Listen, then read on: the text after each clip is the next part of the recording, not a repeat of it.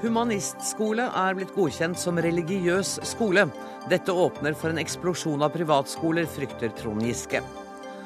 Fra neste år kan du bruke snøscooteren til ren forlystelse i 87 kommuner. Dårlig påskehilsen fra regjeringen, sier Naturvernforbundet. Utgifter til bistandsadvokater har eksplodert, og nå vil et utvalg begrense arbeidsoppgavene deres.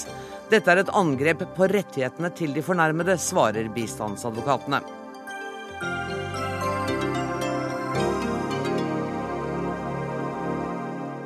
Dette er fredagsutgaven av Dagsnytt 18, og i dag skal vi også markere et 15-årsjubileum.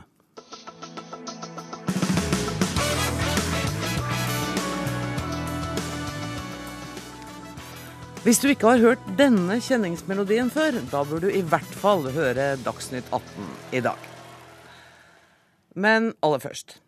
Neste år får Norge sin første såkalte livssynshumanistiske skole. Humanistskolen i Oslo er blitt godkjent av Kunnskapsdepartementet som et religiøst alternativ til den offentlige skolen. Nå står flere store privatskolekjeder klare til å starte skoler på samme grunnlag. Trond Giske, leder i Stortingets kirke-, utdannings- og forskningskomité. Du er bekymret. Hvorfor det? For det første fordi at jeg mener at det er en veldig bra ting med Norge at uh, unger med ulikt uh, sosialt uh, ståsted, religiøst ståsted, bakgrunn, går sammen i skolen. Det er veldig mye av fellesskapet som skapes der, forståelsen, respekten, in integreringa i samfunnet, ser vi at vi går sammen i skolen. Når muslimer, kristne, humanetikere, rike og fattige går sammen. Uh, så har vi hatt en privatskolelov som likevel åpna for noen alternativ. Steinerskole, Montessori-skole, noen religiøse skoler. Ca. 2% av elevene går i private skoler, men 98% går i fellesskolen. Og vi har satsa på kvaliteten der med det nye vedtaket hvor ja, eh, litt ekstra etikkundervisning, litt eh, ekstra livssynsundervisning eh, åpner for at du kan starte privatskoler. Gjør nå at de store kjedene varsler at de ønsker å bruke den hjemmelen. Vi fikk nå godkjent en ny muslimsk skole fra Utdanningsdirektoratet. I dag kom det et lovforslag fra regjeringa som gir departementet enda større frihet til å godkjenne private skoler, og det varsles at man skal innføre en rett til godkjenning. Dette åpner etter mitt syn eh, for en vidåpen dør for privatisering, slik man har sett det i Sverige. Eh, og fra å ha bare noen titalls private skoler, risikerer vi å få mange hundre. Og da får vi veldig fort nye eh, skiller i samfunnet, større forskjell på folk, og faktisk, etter erfaringen i Sverige, også en dårligere skole. Men du, altså, utgangspunktet var at den fikk nei fra, fra, direkt, fra de fra direktoratet. Og så gikk Likestillings- og diskrimineringsombudet inn for søknaden. Er ikke det viktige etater å ta med seg når du vurderer dette? Absolutt, og det er en forståelig argumentasjon at når du har godkjent eh, flere titalls kristne skoler, så må du godkjenne humanetiske skoler eller muslimske skoler osv. Eh, problemet er bare at eh, hvis vi nå får en eh, veldig akselererende utvikling hvor flere og flere blir sortert i skoler mm. etter livssyn, så ødelegges en veldig viktig kvalitet i samfunnet, nemlig at vi møtes på tvers av disse religionene. Og skolen er den absolutt viktigste møteplassen i et samfunn. Vi ser i samfunn hvor man sorterer ungene etter religiøs bakgrunn. Man får eh, mye mindre integrering, mye større skepsis mellom grupper, mye dårligere fellesskap. Og da mister vi en utrolig viktig kvalitet i det norske samfunnet. Henrik Asheim, du sitter i samme komiteen og representerer Høyre. Eh, dere er rett og slett en trussel for fellesskolen, hvis jeg skal tolke Giske? Altså Det Trond Giske nå advarer mot, er konsekvensen av den rød-grønne friskoleloven. Fordi det de gjorde, var at de laget et forlik sammen med Kristelig Folkeparti som sa at man skulle tillate noen privatskoler, dvs. Si man skulle tillate religiøse privatskoler. Privatskoler som tilbød en alternativ godkjent pedagogikk, altså Steinerskolen, Montessori-skolen, eh, og toppidrettsgymnaser. Eh, og det man da får, er jo en lov som per definisjon er segregerende. For da får du jo kun sånne skoler, istedenfor å da slippe til entusiaster med en god idé som gjør ting litt annerledes enn den offentlige skolen. Da vi kom inn inn i departementet, så oppdaget vi at den rød-grønne regjeringen hadde godkjent f.eks. Akademiet videregående Montessori-skole. Mm. Problemet med det er at det finnes ikke Montessori-pedagogikk for videregående skole. Så Torbjørn Røe Isaksen måtte trekke tilbake den godkjenningen. Og jeg mener at det å ha en lov som på den ene siden stanser entusiaster For det finnes masse flinke folk der ute som har gode ideer, men på den andre siden på autopilot godkjenner en videregående Montessori-skole som ikke det finnes pedagogikk for, det er en lov som må endres. Og Derfor så foreslår vi noen endringer. F.eks. å si at du ikke må være religiøs eller tilby en bestemt pedagogikk, men at det skal være strenge krav. Du kan ikke ta ut utbytte, ikke sortere elever, ikke ta høye egenandeler. Og det skal heller ikke være en rett til godkjenning, det skal være en rett med mindre det truer den offentlige skolestrukturen. Og det er ganske viktig. Men er dere like konsekvenser? Forklar meg det som har skjedd med denne muslimskolesaken. Ja, Muslimskolen er jo da den første skolen nå som har fått godkjenning som en muslimsk skole. Vi har 72 kristne privatskoler i Norge, og så har de søkt på om å starte en muslimsk friskole. Og så har den søknaden blitt eh, anket, og så har da statsråden eh, sendt en Han er ankeinstans sendt en SMS til Anniken Hauglie, som er skolebyråd i Oslo, mm. hvor han på en måte forskutterer eh, avgjørelsen i den saken der. Nå har han meldt seg eh, inhabil. Eh, melder VG-nett nå i kveld. Hvor pinlig er dette? Det er åpenbart veldig klønete håndtert. Eh, og det er jo Altså, det, man kan liksom ikke si noe annet, men, men, statsråden har jo ryddet veldig kjapt opp i det ved å melde seg inhabil, legge frem SMS-ene og gjøre dem offentlige. Eh, og derfor er det heller ikke han som statsråd som skal behandle den klagen. Vet du nå hvem, hvilken statsråd som blir settestatsråd i den saken? Nei, det vet jeg ikke. Jeg vet ikke om det er avklart engang.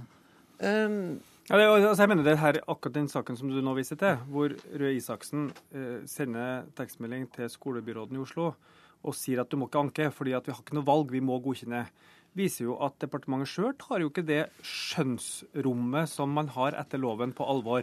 Nå sier Asheim at den nye loven, hvor man skriver da i en prop som gikk i dag, altså lovproposisjon, Eh, at man skal arbeide for en lov med rett til godkjenning for søkere som oppfyller kravene til innhold og kvalitet, med mindre dette etter en helhetsvurdering vil gi negative konsekvenser. Det er jo akkurat den samme helhetsvurderinga man kunne brukt når det gjelder den muslimske skolen, men da sier altså Røe Isaksen eh, i denne SMS-en at vi kan ikke ta klagen til følge. Og så kan vi si at det er klønete sånn saksbehandlingsmessig, sånn at han blir inhabil. Men det som er mest interessant, er at han skriver at dette gjøres da til en politisk sak, og at det er for lenge en dårlig sak for oss. Mm. Selvfølgelig er det en politisk sak. Hvordan vi organiserer Skole-Norge er en av de mest uh, politiske sakene du kan tenke deg. Går dypt inn i rettferdighet, i fordeling, i inkludering. Og det at han sjøl innrømmer at det er en dårlig sak, det viser jo at han har skjønt at her er det en stor motstand mot den privatiseringspolitikken som Høyre og Frp står for. Nå har jeg veldig behov for å si at vi har selvfølgelig har invitert kunnskapsministeren tidligere i dag, før uh, dette inhabilitetsspørsmålet kom opp, men han hadde ikke anledning til å komme i Dagsnytt 18 i dag. Det høres ut på Giske som at det nå har blitt en ny politikk rundt religiøse friskoler. Det er det ikke. Det er den samme loven nå som den som Giske styrte på. I 2000... Han mener at det ikke er det. Kan ikke dere ja, forklare litt... meg hvor forskjellen er? For jeg Nei, får det, ikke det helt med meg. Det er litt uklart for meg også hvor han mener at regjeringen har endret praksis nå sammenlignet med hva de styrte på. I 2009 så godkjente den rød-grønne regjeringen en muslimsk privatskole. Den het Fredsskolen. Den fikk ja av de rød-grønne partiene. Den startet riktignok ikke opp av praktiske årsaker, men den fikk godkjenning av regjeringen. Da Trond Giske var utdanningsminister i 2001, så åpnet Urtehagen muslimske skole. Ja, Den var godkjent av Bondevik I-regjeringa. Det, var den, veldig tydelig på det. Var den, men det var vel ikke sånn at du stoppet den, for å si det sånn. Men det, men det, er jo... det betyr at dette her er jo ikke en ny praksis. Men det vi sier, det er at det er veldig rart å ha en privatskolelov som kun godkjenner religiøse skoler eller Montessori- og Steinerskoler, men sier nei f.eks. til Roger Elstad, som har startet Norsk toppidrettsgymnas, og som nå ønsker å bruke den samme pedagogikken på å starte et realfagsgymnas, følge opp de største realfagstalentene vi har. Han får automatisk nei, men hvis han la inn en uh, morgenandakt og kalte seg for en kristent realfagsgymnas, så ville han automatisk, med loven Giske nå forsvarer, fått lov. Nei, det er det som er poenget. Det er ingen automatikk. Det er det dere ønsker, det. En rett til godkjenning, som det står i lovproposisjonen. Det har vært et skjønn. Og jeg innrømmer glatt for det første at den eh, Montessori videregående skolen burde ikke vært godkjent. Og jeg innrømmer også at den privatskoleloven vi har, som ikke er ny med den rød-grønne regjeringa, men som har egentlig i samme form, bortsett fra et eksperiment de siste året under Clemet, vært den samme i tiår etter tiår, har vært et egentlig et ganske bredt kompromiss mellom Arbeiderpartiet og sentrum. Hvor man har først og fremst satsa pengene på den offentlige skolen. Bedre lærere, bedre skolebygg, bedre undervisning. Og så har man hatt en ventil for Steiner Montessori, noen kristne skoler, 2% av elevene. Nå ser vi at det slås store sprekker i den enigheten. Delvis med den nye tolkninga med livssynsskoler, hvor man med litt ekstra etikk kan starte også for de store kjedene. Eh, ved at man får private aktører på banen, eh, som ASM eh, viser til, ved at du får muslimske grunnskoler, ved at du får sortering. Da er vårt svar vel, da får vi heller stramme inn og sørge for at vi slår ring om fellesskolen og hindre eh, inndeling. ACM og Høyres svar er at nei, da skal vi liberalisere fullt ut og innføre en rett til støtte til alle privatskoler. Det er feil politikk, og det ødelegger fellesskolen. Og hver krone som går til de private skolene, hentes fra kommuner og fylkeskommuner fra den offentlige skolen. Det er feil kanalisering av penger. Er det slik Asheim, at hvis man setter merkelappen humanistisk skole og legger til noen timer etikk, så kan dette her bare vokse? Da kan alle få åpne privatskoler? Nei, altså vel, Med den loven som de rød-grønne styrte på, så er det jo slik at eh, religiøse skoler har, eh, kan godkjennes. Men det som er forskjellen også, som vi nå har varslet, det er jo at det man har hatt tidligere, er at det skal være særlig negative konsekvenser for offentlig sektor. Mm. Vi fjerner ordet 'særlig' og sier at det ikke skal være negative konsekvenser for den offentlige skolen. Altså Det blir strammet inn. Og Det er bl.a. fordi det vi har sett, er at ute i distriktene så legger man ned kanskje en grendeskole, slår den sammen med en annen for å få større fagmiljøer. Og så tar det ca. tre kvarter, så går foreldrene inn der og starter en Montessori-skole. Men Er det en eh, innstramming eller en liberalisering? Du må jo, men, stå for politikken. Det er jo umulig å diskutere politikk hvis du later som at du driver med innstramming. Du men, driver med liberalisering. Det skal bli lettere å starte privatskole. Kan du ikke innrømme det? Men hør nå, Giske. Det vi gjør er på den ene siden å si at her skal kommunene ha en større rett til å si nei dersom du truer den offentlige skolestrukturen. Men så sier vi samtidig at vi skal være mer liberale på hvem som skal få lov til å starte skole. Ja, hvem som helst skal altså, få starte. Hvorfor? Nei. For, jo, hvem som helst skal få starte. Det er ikke noen regler for hvem som skal få starte. Men Giske, hvorfor er det logisk at Roger Elstad skal få lov til å lage en skole som uh, følger opp alpintalenter på en helt spesiell måte. Men det er forbudt for den samme Roger Elstad å skape en skole som følger opp realfagstalenter. på en helt kan godt forklare deg, Hvis du vil ha svar på det, så er det, ja, det fordi at toppidrettsutøvere gjerne har 100-150 idrettsdager, turneringsdager eh, høyfjellstrening osv. Og, så og trenger helt spesiell tilrettelegging for å klare å fullføre videregående skole. Det er derfor vi har toppidrettsgymnas. Det er jo ikke sånn for matematikktalenter at de er 200 dager i året på okay, konkurranse. Jeg hadde ikke tenkt at vi skulle gå inn Nei. i den ene lille sektoren der. Men altså, det som skjer nå, er at uh, denne humanistiske skolen har fått uh, godkjenning. Mm. Så vil det være opp til uh, settestatsråden hva som skjer med den muslimske. Og så ønsker jeg herrene hjertelig velkommen tilbake når vi skal diskutere dette en gang til. For det kommer vi til. Dagsnytt 18 alle hverdager klokka 18.00 på NRK P2 og NRK2.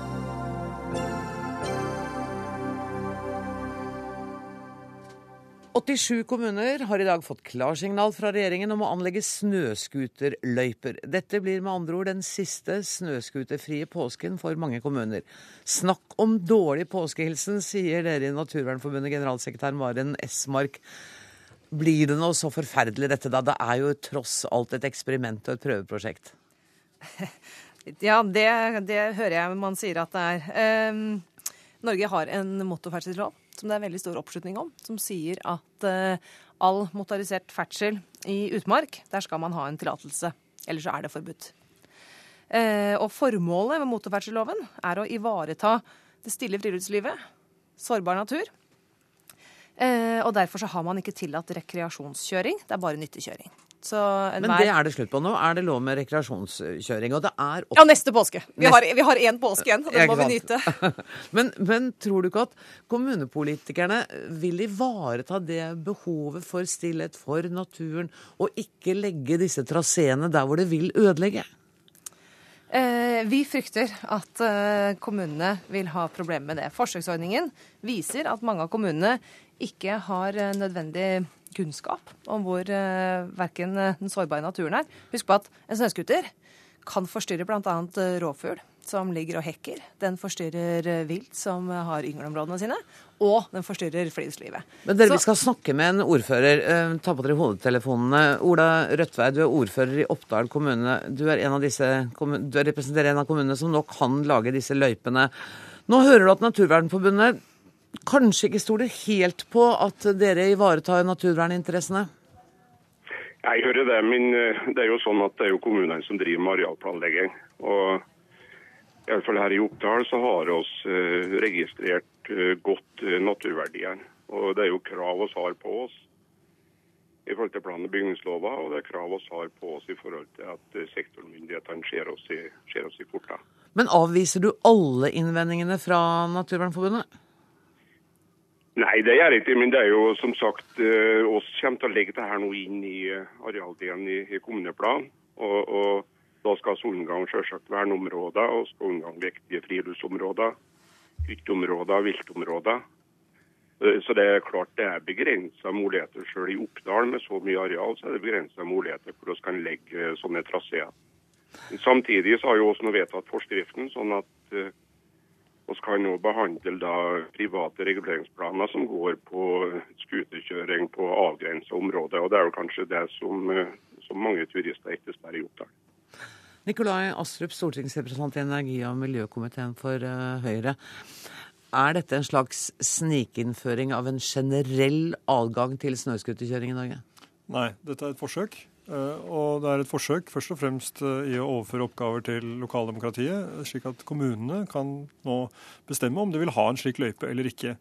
Og hvis ikke kommunene klarer å gjøre det ordføreren i Oppdal sier, nemlig å finne et areal som ikke er til sjenanse for folk, som tar vare på naturverdiene, ivaretar de viktige hensynene, vel, så er jeg ganske sikker på at kommunepolitikerne eh, vil sette foten ned. Så jeg føler meg trygg på at dette skal gå veldig bra. Eh, Og så er det viktig å huske på ta en annen kommune som Fauske, som var med på den første forsøksordningen. eh, det var syv kommuner som, som deltok. Der fant de altså, etter å ha kartlagt hele kommunens område, at det var 93% av kommunens areal som ikke kunne brukes til snøscooterløyper. På de 7 prosentene som gjensto, så fant man da et lite areal hvor man anla en snøscooterløype. Der er det lov å kjøre snøscooter. Eh, Da kommer snø- snøscooterkjøring, som tidligere har vært litt i uordnede former, inn i ordnede former. Og folk eh, oppdager nye sider ved kommunen sin som tidligere var til- utilgjengelig. Og så har det vel vært en måte å fjerne litt byråkrati på også. For at tidligere, hvis man skulle frakte ting langt av gårde til hytta, så måtte man søke. Det var mye omstendelig. Kan, kan ikke dette rett og slett bety, som Nikolai Astrup sier, at det blir ryddigere forhold? Nei, vet du hva, dette her er en ulovlig ordning.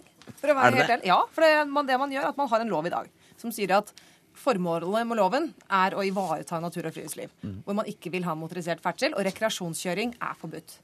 Og så innfører man en snikordning hvor 87 kommuner får gjøre til å gjøre en prøveordning.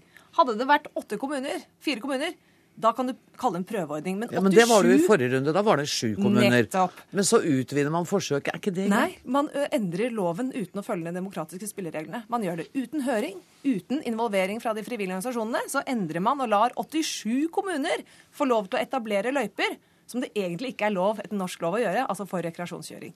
Og det forsøksordningen viser, er jo at når du får en løype, så får du plutselig store områder tilgjengelig. Og når du kommer langt nok ut, så foregår den ulovlige kjøringen. For da kjører man ut av løypa.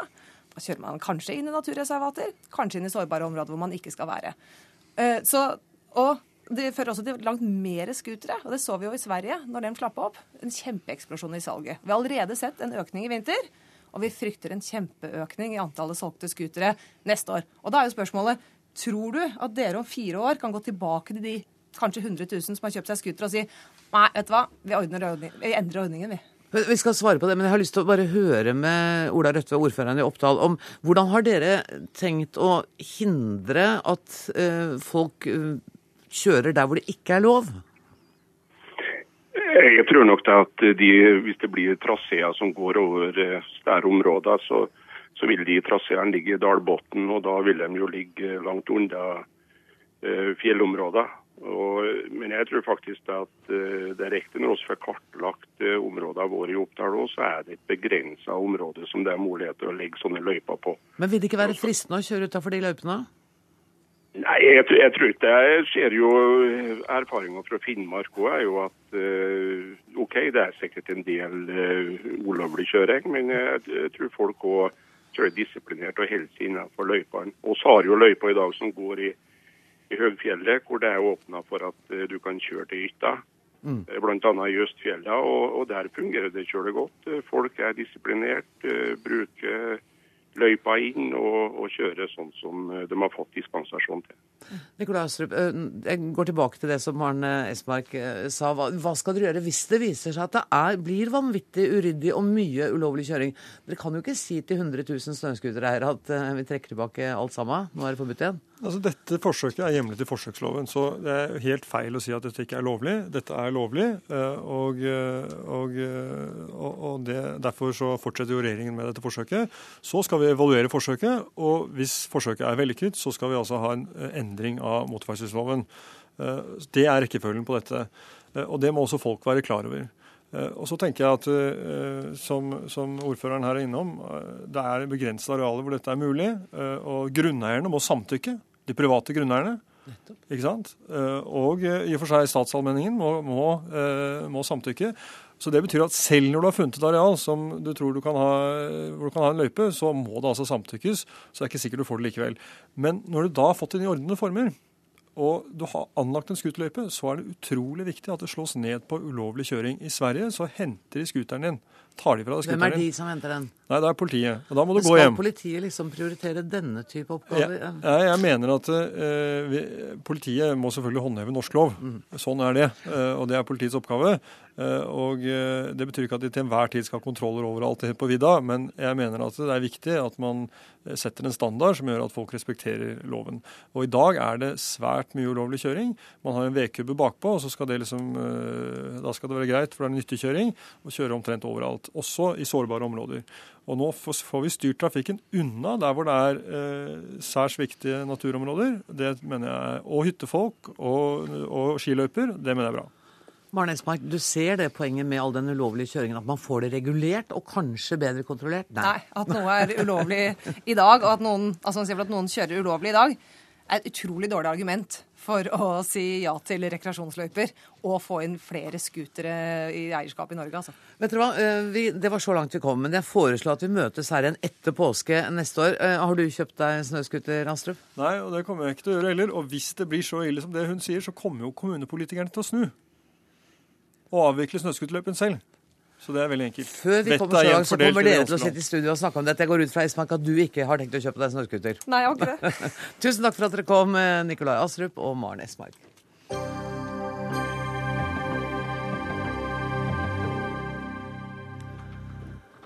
For første gang på fire år er det mange som vil låne penger til Hellas, etter at landet har mottatt 2000 milliarder norske kroner i kriselån fra EU. Og pengefondet vil den greske regjeringen teste om de igjen kunne låne penger på vanlig måte. Salget av statsobligasjoner i går ble en overraskende suksess. Etterspørselen var nesten åtte ganger så høy som tilbudet. Ola Storeng, økonomiredaktør i Aftenposten, dette er vel strålende nyheter? Ja, Det forteller i hvert fall akkurat i dette øyeblikk Angela Merkel og den greske statsministeren, som holder pressekonferanse i Aten mens vi snakker. Og Da kan jeg jo lese opp en tweet rett derifra. Gjør det. Og der står fra en som heter Vasilios Katsardis. Jeg tar den eh, engelske oversettelsen her. Ja. Han sier at eh, Samaras og Merkel snakker eh, i Aten om den greske økonomiske suksessen, men begge ser ut som de taler ved en begravelse. Så det er altså et svart og hvitt bilde. To tolkninger som, gir, som er helt forskjellige. Men, men Angela Merkel har jo flere ganger i dag sagt at nå ser vi slutten på den økonomiske krisen i Europa. Snakker hun mot bedre vitende? Ja, jeg vil nesten si ja. Jeg tror det er viktigere å si at vi snakker om to kriser når vi snakker om eurokrisen. For eh, halvannet-to år siden så hadde vi jo et, nesten et sammenbrudd, et finansielt sammenbrudd, en panikk. Den krisen er over. Eurosamarbeidet er ikke i ferd med å sprenges. Det startet med kanskje et, et viktig vendepunkt var da den europeiske sentralbanken sa at de ville stille opp med det som trenges. Og i mellomtiden så er det mer generelt i verden blitt mye lettere å få låne penger. Dette er grunnen til at, hun, at Hellas nå får låne penger, mens den eh, krisen i i Hellas er jo stort sett uendret. Det er eh, Etter den lengste depresjonen som noen har opplevd siden mellomkrigstiden, så har de nå ser ut til å ha nådd- bunnen. Men situasjonen er like ille som den var i Europa på 30-tallet. Og du må ha mikroskop for å se framgang når det gjelder sysselsetting og produksjon. Statsfinansene imidlertid er blitt bedre, men Hellas må fortsatt låne penger. Sjur Larsen, du er Norges ambassadør til Hellas, og du har vært i Aten siden eh, 2011. Kan du beskrive hvordan situasjonen har endret seg siden du først kom?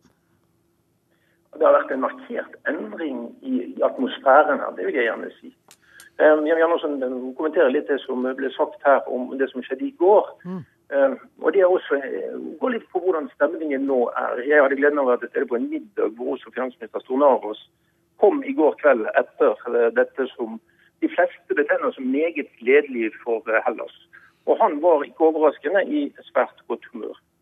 Nå er det riktig som Storeng sier at det er fortsatt veldig, veldig store problemer. Men det, er også riktig, syns jeg, å påpeke eh, at grekerne har gjort en kjempeinnsats når det gjelder å ta kontroll med egen økonomi og å iverksette, og i hvert fall delvis følge opp de reformtiltak som er så sårt nødvendig. Um, også en liten kommentar på, på Merkel. Um, I dag er jo Aten merket av hennes besøk. Store deler av byen har vært uh, fullstendig avstengt. Uh, flere tusen politifolk har vært uh, ute i gatene. jeg har merket meg i lokale medier at Merkel er sitert på å si at Hellas har flere muligheter enn problemer. Så kan man alltid diskutere hvor mye av dette som er politiske uttalelser, og i hvilken grad det reflekterer den reelle situasjonen. Ola Storeng, det, det, er jo riktig dette, men, men det, samtidig så er det vel både du og ambassadøren enige om at det er jo den alminnelige greker som har måttet betale prisen for det, de disposisjon, økonomiske disposisjonene som staten har gjort? Ja, det er jo, det er jo klart. Altså når Dette går jo litt på en måte både i oppoverbakke og nedoverbakke. Den alminnelige greker var jo med å en eventyrlig opptur i ti år som, på lånte penger. Men det er dessverre vanskelig å kjøre både en bil og et land i revers når du skal rygge. Da mm. kjører du ofte utfor veien. Så hvis vi nå sammenligner med da utgangspunktet da krisen startet, så er nå arbeidsledigheten nesten tre ganger så høy. Største på 33 år eller noe sånt? Ja, ja det, kan du, det, kan du trygt, det kan du trygt si. Eh, gjeldsbyrden er halvannen ganger så stor som da krisen begynte. Men det er selvsagt også riktig, som ambassadøren her sier, at det har vært gjennomført veldig strenge eh, sparetiltak for å få økonomien på bedre fote. Men, men, men, også denne prisen med massearbeidsledigheten, det er altså en Du kan nesten se som et virkemiddel for å få Ikke nesten. For å, få, eh, for å løse det problemet som grekerne var med å skape seg selv. For at eh, lønningen igjen skal komme ned på et nivå som, eh, som gjør at de kan konkurrere med utlandet. Problemet er jo bare at det er uendelig langt frem. Og jeg, det er veldig vanskelig å finne økonomer som tror at Hellas noen gang kan betale den gjelden de nå har. Det må det må en gjeldslette til som foreløpig er eh, nokså uspiselig, selv om det blir samtaler om dette senere i år. Sjur Larsen, eh, litt om, om, den politiske situasjonen. I går eksploderte en bilbombe på fortauet utenfor den greske sentralbanken. Og det har vært generalstreiker og store demonstrasjoner. Er det, er det, det er ikke noe tegn til ustabilitet i det politiske livet? Ja, gresk politikk er aldri kjedelig. Eh, og nå er vi jo inne i forberedelsene for ikke å si oppstarten av, av valgkampen her. Eh, det skal være valg til EU-parlament og lokalvalg her i mai. Det blir særs spennende. Eh, situasjonen er jo at i et parlament med, 100, nei, med 300 plasser, så har den sittende regjeringen et knapt flertall. Ofte regnes det at de har 153 stemmer. Nå må man kanskje regne med litt forsiktighet, fordi at noen av parlamentsmedlemmene som kommer fra det ekstremt ytterliggående høyrepartiet sitter jo faktisk i fengsel og er under etterforskning. Men det som vi har sett, og for å ta kanskje litt om de litt, litt, større linjene, er jo at det store partiet på venstresiden, PASOK, har gått fra over 40 eh, oppslutning i 2009 til under 4-5 på meningsmålinger nå. Hva sier det? Det sier at det har vært et, også et politisk jordskjelv i, eh, i Hellas. Eh, samtidig så ser vi også at det er nye politiske bevegelser som kanskje er i ferd med å eh, vokse frem. Og Jeg snakker da om små partier, ikke om dette store partiet Syriza, som har overtatt eh, mye av, av støtten på venstresiden. Det som vi prøver å analysere og finne ut av her i Hellas nå, det er eh, hva som vil bli resultatene og hva som blir konsekvensene av resultatene av de kommende valg. Mange her tror jo at hvis eh, resultatet blir særdeles dårlig for den sittende regjeringskoalisjonen, så vil det øke presset for at det skal skrives ut nyvalg til nasjonalforsamling. Vanligvis så skal jo ikke dette skje for i 2016, men jeg tror nok mange har en følelse av at det kommer til å skje før den tid. Ambassadør Larsen han tegner jo her bildet, et dramatisk bilde av et politisk system som egentlig er smadret, det gamle topartisystemet i, eh, i Hellas. Og vi har sett nå hvordan Eh, koalisjonen mellom Høyrepartiet og Nytt demokrati og PASOK, den, den, dens maktgrunnlag smuldrer sakte, sakte, opp. Og Samtidig vet vi, hvis du ser på prognoser fra IMF f.eks., at eh, det vil i hvert fall være ti år fram til landet igjen er på fote. Og Da er klart, da er det jo tvil om dette er politisk eh, bærekraftig. Og da blir disse valgene som kommer nå i mai, kommunevalg og europavalg, som ikke er viktig i seg selv for regjeringen, de, de vil likevel fortelle noe om regjeringen kan greie å bære videre den politikken som skal til. Problemet her er jo, hvis vi nå flytter oss, ser litt i et større europeisk perspektiv, er jo at kriselandene i sør har stått nokså alene om å rette opp ubalansene i eh, i Europa, de landene i nord som har overskudd, først og fremst Tyskland, i utenrikshandelen sin, de har jo ikke kjørt på med mer køl for å hjelpe å dra i gang landene i sør. Og da spørs det hvor lenge det er politisk mulig å føre denne politikken videre. Og det spørsmålet blir hengende i lufta og blir ikke besvart i denne sendinga. Jeg må si tusen takk til eh, Ola Storeng fra Aftenposten og til ambassadør Sjur Larsen.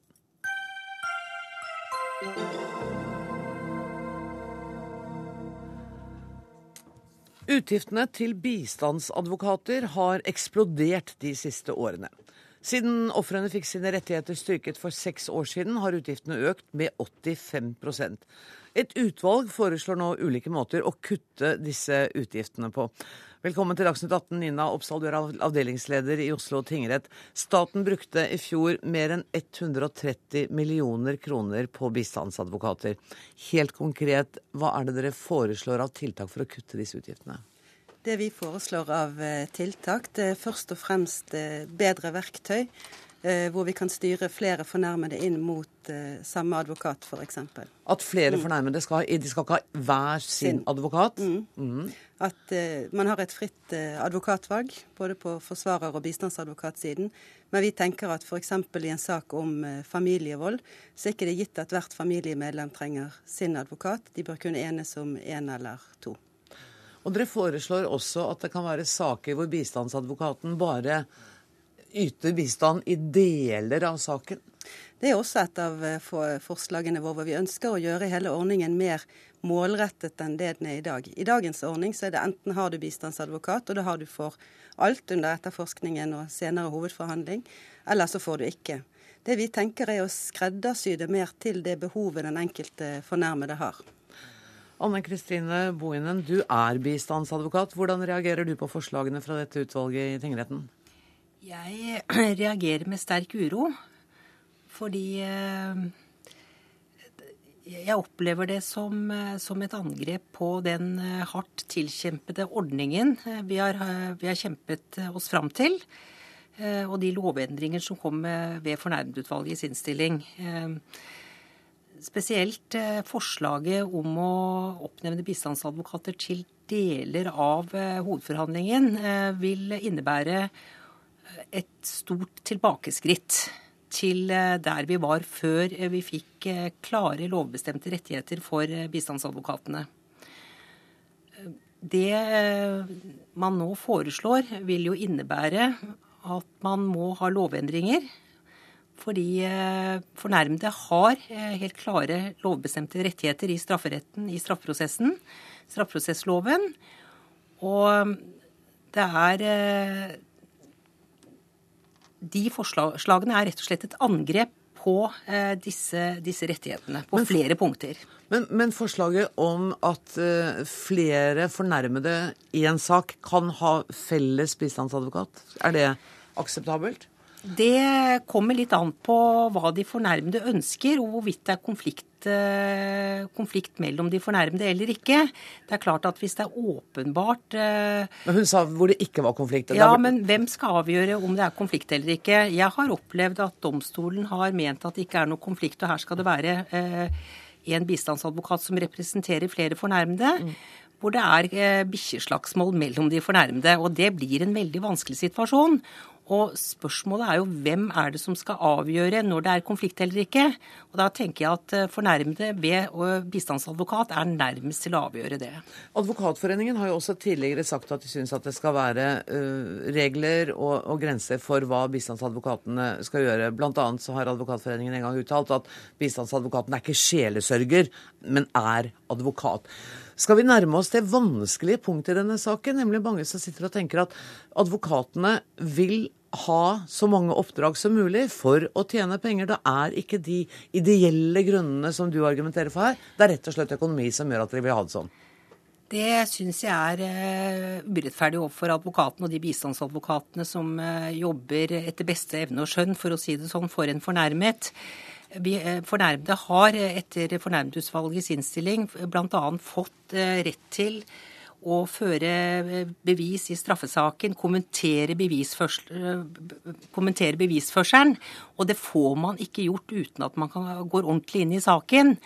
Eh, så jeg forstår egentlig ikke hva spørsmålet er om man da skal begrense de lovbestemte rettighetene. Altså, det, er, det, er, klart at alle eh, skal tjene penger, og vi skal heller ikke jobbe gratis. Men vi må også få, få, anledning til å gå ordentlig inn i saken og kjenne bevisene i saken når vi skal møte med en fornærmet i retten. Mm. Og det eh, syns jeg eh, vi opplever et stort angrep på. Nina Oppsal, trenges det en lovendring for å få til de tiltakene som dere foreslår? Eh, vi mener at det ville vært mer forutberegnelig hvis vi hadde en, en lovendring på dette området. Eh, det jeg har lyst til å understreke, det er at i de mest alvorlige sakene så har man et krav på bistandsadvokat. Vi har også en anledning til å oppnevne bistandsadvokat i andre tilfeller ut fra den fornærmedes behov. Viser, men da er det også sånn at hvis du først oppnevner, så gjelder det for hele, hele etterforskningen. Mm. Hele perioden. Det vi ser, det er f.eks. at en fornærmet har behov for å ha med seg en bistandsadvokat når de skal forklare seg i retten. Eh, da ønsker vi å kunne oppnevne akkurat for eh, det enkelte rettergangsskrittet der. Eh, og ikke sånn at det er nødvendig at de sitter hele de seks ukene saken varer, hvis ikke dette er en, en som har en veldig sentral rolle i saken. Da. Men ser dere ikke da litt bort fra det tillitsforholdet som må bygges opp mellom fornærmede og bistandsadvokaten?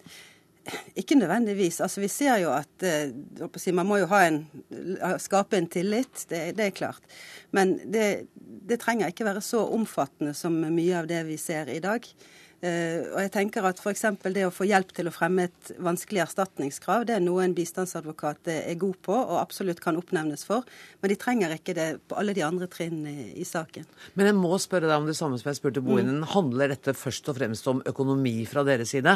Eh, dere er opptatt av å spare penger, eh, mens advokatene da kan være beskyldt for å være opptatt av å tjene mest mulig? Ja, bare har lyst til å understreke der at det er ikke domstolens penger vi, vi sparer. Dette går går ikke over vårt budsjett. Ja, dette er våre penger, skattebetalernes penger. Og jeg tenker vi alle har et ansvar for å forvalte de på en best mulig måte.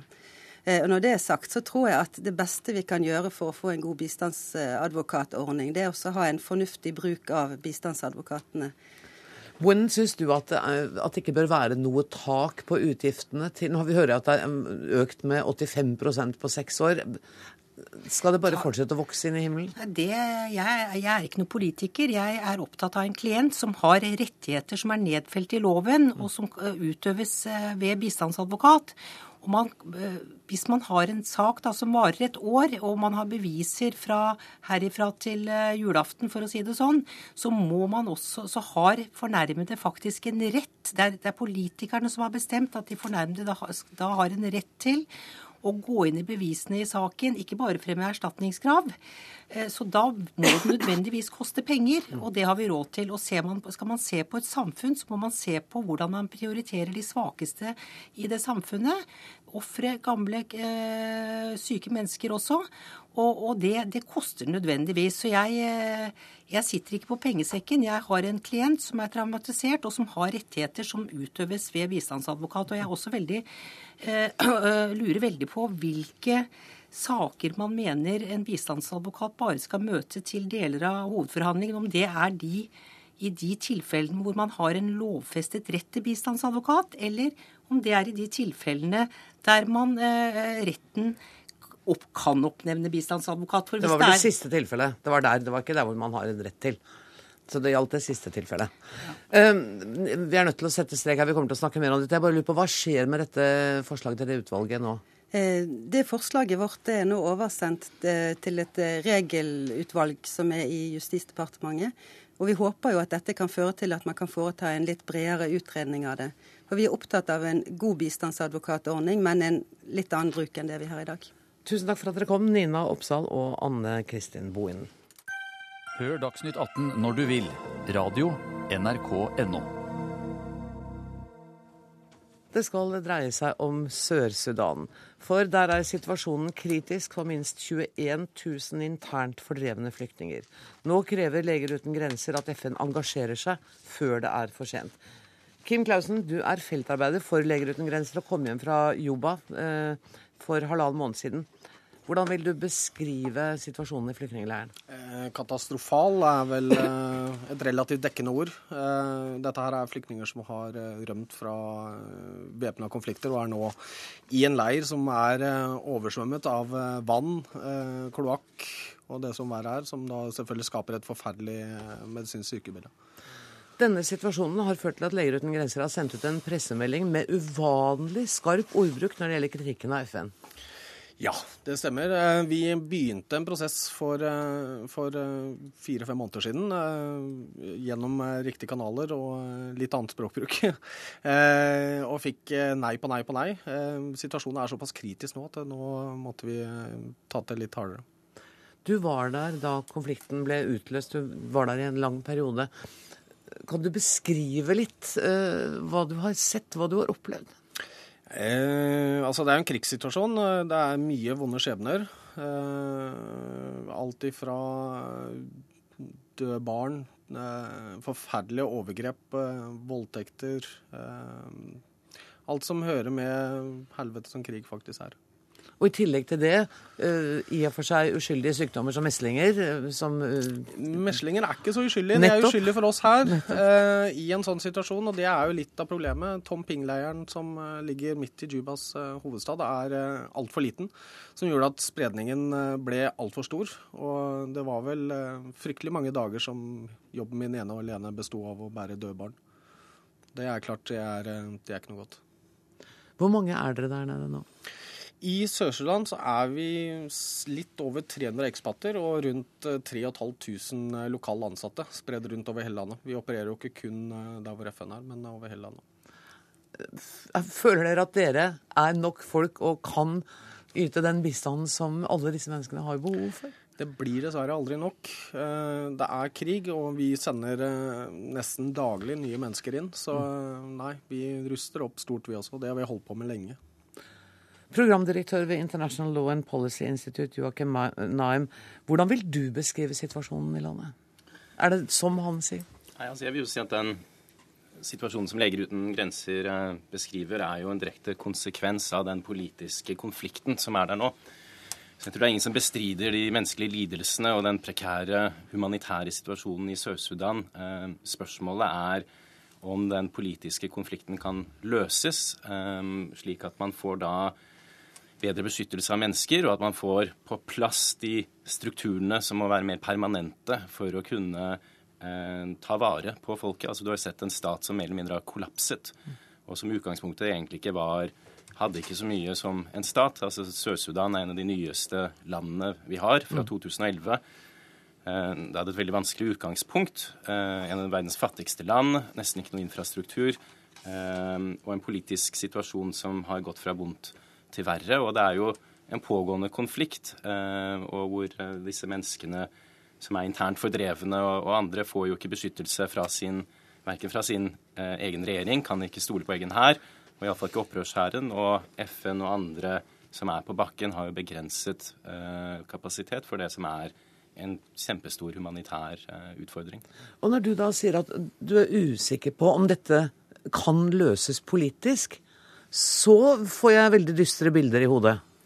Ja, altså det er jo ikke til å legge skjul på at den politiske forhandlingen som offisielt pågår um, gjennom IGAD, som er da en regional organisasjon for Øst-Afrika, hvor det er fredsforhandlinger som går parallelt nå i Addis Abeba i Etiopia, uh, at den ikke fører noe særlig frem. Den, går, den, den er i stampe. Um, og det er uenighet mellom da regjeringspartiet eh, ved president Salva Kiir og først og fremst den tidligere visepresidenten Rik Machar, som er hovedmotstanderen i denne konflikten. Og de, de er ikke engang ved forhandlingsbordet nå. Um, og det er stor frustrasjon blant selvfølgelig blant sivilbefolkningen, men også sivilt samfunn i Sør-Sudan, og en viss skepsis blant de som observerer eh, denne konflikten med at man ikke får noen reelle forhandlinger. Um, og det, det er jo en kjempeutfordring, for dette er jo en politisk konflikt. Og den humanitære situasjonen kan ikke løses før man får en eh, løst den politiske konflikten. Kan FN spille en rolle her? Altså, som jeg sa, så har Leger uten grenser eh, kommet med veldig skarp kritikk av FN og bedt dem eh, reagere og aksjonere før det er for sent. Er du enig i den vurderingen? Jeg kan ikke uttale meg om den eh, spesifikke situasjonen som gjaldt også denne Tomping-leiren, men jeg tror da FNs utfordring ligger i at de, de skal gjøre mange ting på en gang. Eh, det UNMIS, som er da FN-operasjonen i, i Sør-Sudan, har på den ene siden en eh, humanitær og en fredsbevarende rolle. Samtidig skal den være med på å statsutvikling, eh, altså utviklingen i Sør-Sudan av, sitt- av institusjoner, bistand. altså Det er jo en av bistandsaktørene. Så jeg tror den har ikke helt greid den omstillingen eh, fra som denne eh, konflikten som brøt ut i desember 2013 har ført med seg. Eh, så jeg tror det er både mangel på, på kapasitet og, og at det tar tid å omstille seg. Um, Og den tida, i løpet av den tida så dør folk Nemlig. i tusentall. Altså, ja, i tusentall. Og dette her er en konflikt som nå har pågått siden desember. Eh, Det burde vært mulig å sette i gang. Vi har allerede kommet med, med tiltak de kan gjøre. Altså, Vi har tørre områder rett utenfor som eh, FN heller stiller opp bilene sine på, enn å sette, plassere mennesker, imens mennesker da vandrer i, eh, i vann og kloakk. Så FN sitt mandat er vel ganske enkelt å si at det har de ikke klart å følge opp Mm. i det hele tatt. Men hvordan samarbeider Leger uten grenser med eh, FN-representantene på stedet? Altså, du kan si at det er veldig få FN-representanter som faktisk går inn i eh, dette området som eh, de internt fordrevne er i. De holder seg litt på utsiden og virker vel nærmest litt redde for å, for å nærme seg området. Eh, Hvordan det foregår på høyre plan, det skal ikke jeg begynne å uttale meg om. Men eh, på bakkenivå så ser det ganske fraværende ut. Nå hørte du eh, Naim si at man vet ikke om denne konflikten kan løses eh, politisk. Betyr det at er det dyst, bare dystre utsikter for Sør-Sudan sånn fra et humanitært ståsted? Ja, altså, nå er ikke jeg politiker. Jeg er eh, Men sånn som du har sett det når du har vært der? Det ser ikke pent ut.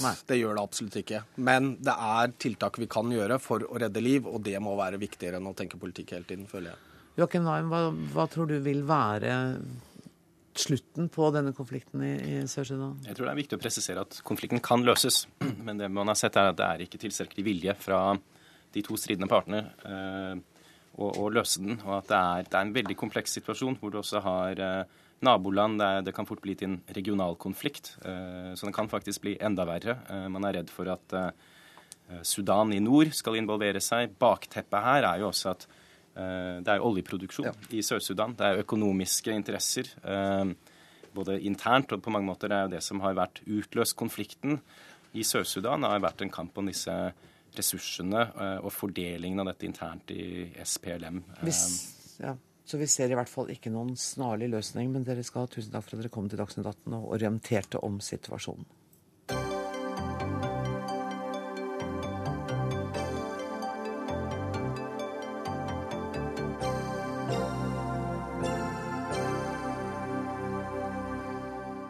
Det skal bli både et eh, taktskifte og et kraftig temaskifte i Dagsnytt 18. Litt nølende inn i studio eh, kommer Jon Almås og Knut Nærum tittende på Sendte du tekstmelding, Jon, med at du var i Dagsnytt 18? Ja, jeg, du er litt stolt? Jeg tvitra og la det ut på Facebook Ja, og bra. Instagram. Ah.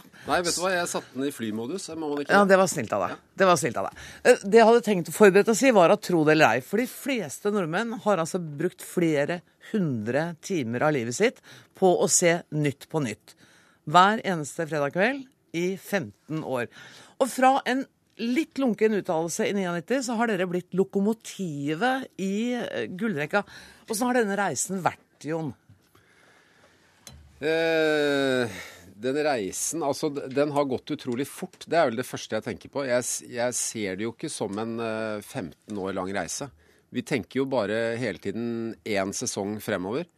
Og at vi nå sitter og ser tilbake på liksom, at vi har holdt på i 15 år, og jeg starta da jeg var 30, og nå er jeg ca. 45, liksom. Det er, eh, det er surrealistisk. Knut, trodde du den gangen at dette skulle være en stor del av livet ditt i de neste 15 årene? Nei, da, da vi startet, uh, uka vi skulle ha vår første sending, da, da trodde jeg at vi kanskje skulle få lov til å fortsette å gå fram til jul. Eh, Og etter det første programmet så, så tenkte jeg at uh, her skal vi være heldige hvis vi får lov til å fortsette i seks uker. Altså, det er et lengelevende program, og det kan kanskje leve i 15 år til. Hva vet jeg. Men det som slår meg, er jo at det virker jo Når jeg ser på dere programlederne, eh, også Linje Seng Lindhave, eh, at dere har en sånn voldsom energi. Er det like gøy uke etter uke, eller er det dager hvor dere går i studio og tenker åh, skulle ønske jeg slapp? Jeg har aldri gått i studio eh, og tenkt det. Men det er ting, det er enkelte dager. Det er noen mandager og noen tirsdager og noen onsdager som, er, eh, som kan være drøye. Når jeg ser det fjeset der eh, mandag morgen Jeg ser Knut spesielt dårlig ut på mandag morgen. Nei. nei, nei, nei, det er ikke noe gærent med Men det er, det er jo det å se det samme fjeset, liksom, eh, om igjen og om igjen. Ja, Men det er ikke noe spesielt med ditt fjes. Det kunne vært et hvilket som helst fjes. Men akkurat nå gjelder det ditt fjes, da. Men det er ikke fjeset som sådan. Nei. Så det, er, så, på, så det er et tilfeldig valgt fjes? Ja, nei, det er ditt fjes, da. Men det kunne vært et annet. Jeg, jeg, jeg, jeg, jeg ser på det ikke så mye som en, som en reise, men som, eh, som en karusell. Det er mer som en attraksjon. Altså, det går, det går rundt og rundt. Vi kommer tilbake.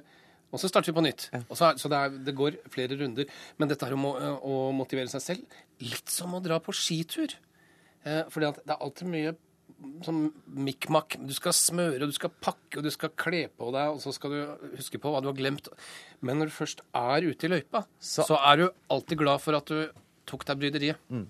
Jeg har jo også lagt merke til at dere, dere beiter jo litt på gjestene mine her fra Dagsnytt 18. Ja, Ja, takk skal du ha. altså at de, er- du mener at de er her De- først, ja. og dette er en slags audition? Ja, altså i dag for eksempel. Jeg har fått nyss om at i kveld så er Trond Giske gjest hos dere. Ja. Han har vært gjest hos meg nå. Det er det, det, er det jeg prøver liksom å fremme Dagsnytt 18 litt. Ja, Men spørsmålet er hvem som beiter på hvem. For at han var hos oss i går.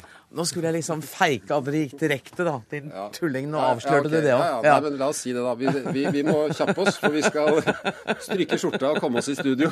Jeg, jeg har tenkt å gå med denne. Ja, det Ja. håper jeg, da. Den er veldig fin med Har du fått kjøpt den, eller er den tilsett altså en T-skjorte med et portrett av Jon Almås på? Denne kom i posten uh, for åtte, nå, ti, ti år siden. Jeg har hatt den liggende i påvente av en anledning. Så tenkte jeg 15-årsjubileum, hvorfor ikke? Dobbeltjubileum, ti år for skjorta, 15 år for programmet. Dere, altså, jeg har eh, tenkt at vi må prøve å spille av et bitte lite Men kan, kutt. jeg bare Ah, si en ting som jeg kom på? Fordi at jeg Jeg drikker litt vann. Ja, fordi at det, det, det jeg ikke fikk sagt i stad Jeg sa jo at mandag, tirsdag, onsdag var kjedelig.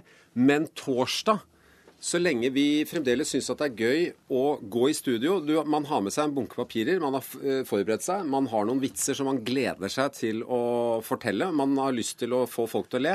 Og så lenge man fremdeles syns at det er gøy, så er det moro å lage Nytt på Vet du at P2-lytterne skjønte det? Det var derfor jeg avbrøt deg før du kom. Vi skjønte at det var det du kom til å si. Jeg er vant til P3 og slikt. Ja, du vet at- P4, ikke ja, minst. Ikke sant, ja. der, ja. Eh, Jeg prøvde å finne et lite eh, klipp for å liksom illustrere for kanskje én lytter som ikke har hørt det. Eh, Og det, det mest ikoniske kuttet er vel det jeg har funnet ut. Vi måtte redigere det litt, da, men dere kjenner igjen. Hør her. Jeg sa du ikke skulle begynne. Nei, det var en gang, det var en gang Nei, nei, nei, nei. Jeg har en- Dette er veldig stikkordsform, altså. Vi drev en gang for 20 år siden. Jeg har vært, vært i politikken noen år. Og da var han på Arbeiderpartiets kontor. Så drev vi valgkamp for daværende statsminister Gro Harlem Brundtland. Og så ble hun sjuk. Så måtte vi skaffe en lege. Og så fant vi ikke noe annet enn en dyrelege.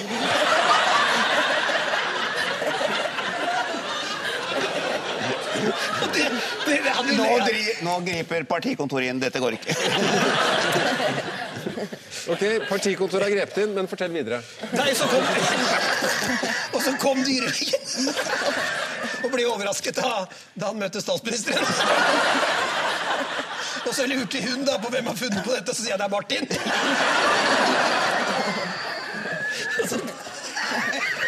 Og de har aldri tilgitt meg. Og du fikk ris Av Gro? Nei, men hun hadde en, en eh, Ved sånne anledninger så kunne hun si eh, Martin, nå ser du ut som en loff i trynet.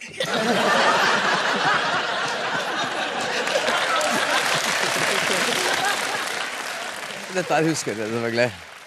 Ja. Vanskelig å glemme. Men dette kan ikke ha vært forberedt.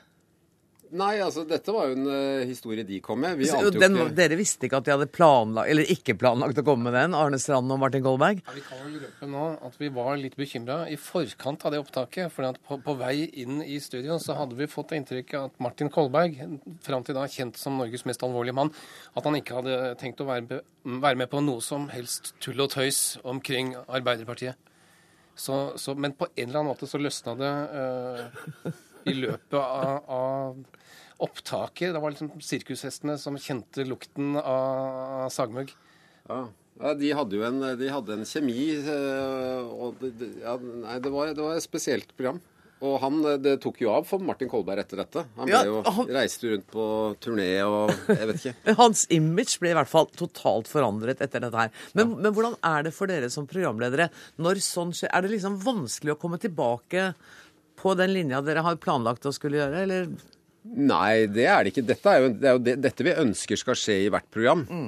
Eh, at det skal liksom ta av, som det heter. da. Og, og når vi har, det, er ikke hver gang, altså det er ikke så lett å finne gjester som kan spille sånn på lag. Nei, det var det neste jeg skulle spørre om. For det å finne gjester er jo også en utfordring uke etter uke etter uke. For du kan jo ikke ha Kolberg og Strand hver uke. Nei. Eh, og det er, det er jo et puslespill. Eh, Vi har jo ikke lagt det, de brikkene der liksom langt fram i tid. Vi har uh, ofte tenker vi kanskje Vi håper at vi har gjester til neste uke, uh, kanskje uka etter. Men sånn som det er nå, f.eks., så har vi bare én gjest til programmet etter påske.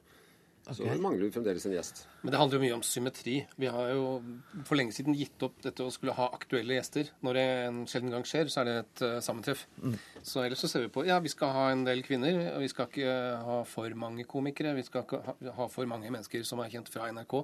Så prøver vi å lage den typen balanse for å få den fulle bredden. Ja. Og, og det, det som funker dårlig, er jo av folk som eh, ikke liker hverandre. Det har vi jo prøvd noen ganger. At liksom, vi skal få litt temperatur og sånn. Har dere gjort det? Vi har prøvd. Det er, sånn, det er den oppskriften dere har Hvem her, da? er ikke det?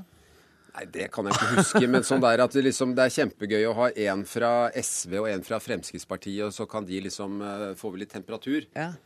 Men eh, temperatur er ikke noe gøy hos oss. Ikke sånn type temperatur. Nei, da- her er det jo liksom alvortemperatur. Det er ikke sikkert at humortemperatur og sånn vennskapelig temperatur funker på samme måte. Nei, vi må ha eh, folk som er gode venner. Men, Ja, For dette programmet pleier vel ikke å slutte med klemming, gjør det vel? Nei, det gjør sjelden det. Eh, heldigvis, vil noen av oss si. Eh, vi, vi har litt andre måter å si adjø på.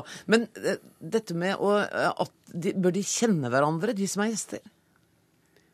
Nei, det trenger de ikke. Eh, Men det kan være en god ting at de liker hverandre. I vår aller første sesong så hadde vi eh, Per Egil Hegge og Aslak Sira Myhre som gjester. Ganske langt fra hverandre politisk, men de likte hverandre. Så, enda så forskjellige var på flere måter. Dette programmet er jo blitt norskere og norskere. Da det begynte, så var det kanskje litt tettere opp til den engelske moderutgaven Have I Got News For You. Um, det, det er stor forskjell, er det ikke det?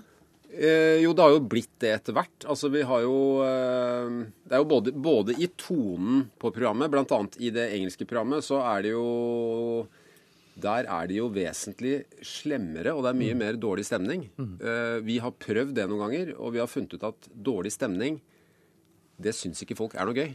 Det vil vi ikke ha på fredagskvelden. Det er mer en britisk greie. Ja. Dårlig stemning er de gode på. Ja, nei, men altså sånn eh, Sette gjestene på pinebenken og være beinharde med folk som man har invitert og, og gitt dem knaskerøtter og farris, og så skal du liksom eh, sparke beina under dem når kameraene går. Det, det, det, syns ikke, det vil ikke folk ha, rett og slett. Nordmenn vil ikke ha det. Nei, nordmenn vil ikke ha det. Hvor lenge ser I, dere I tillegg så har vi jo utviklet programmet selve oppgavene. Eh, og det er det jo vår eminente forfatterstab som har eh, mye av æren for å liksom finne opp nye oppgaver eh, som de ikke har i England.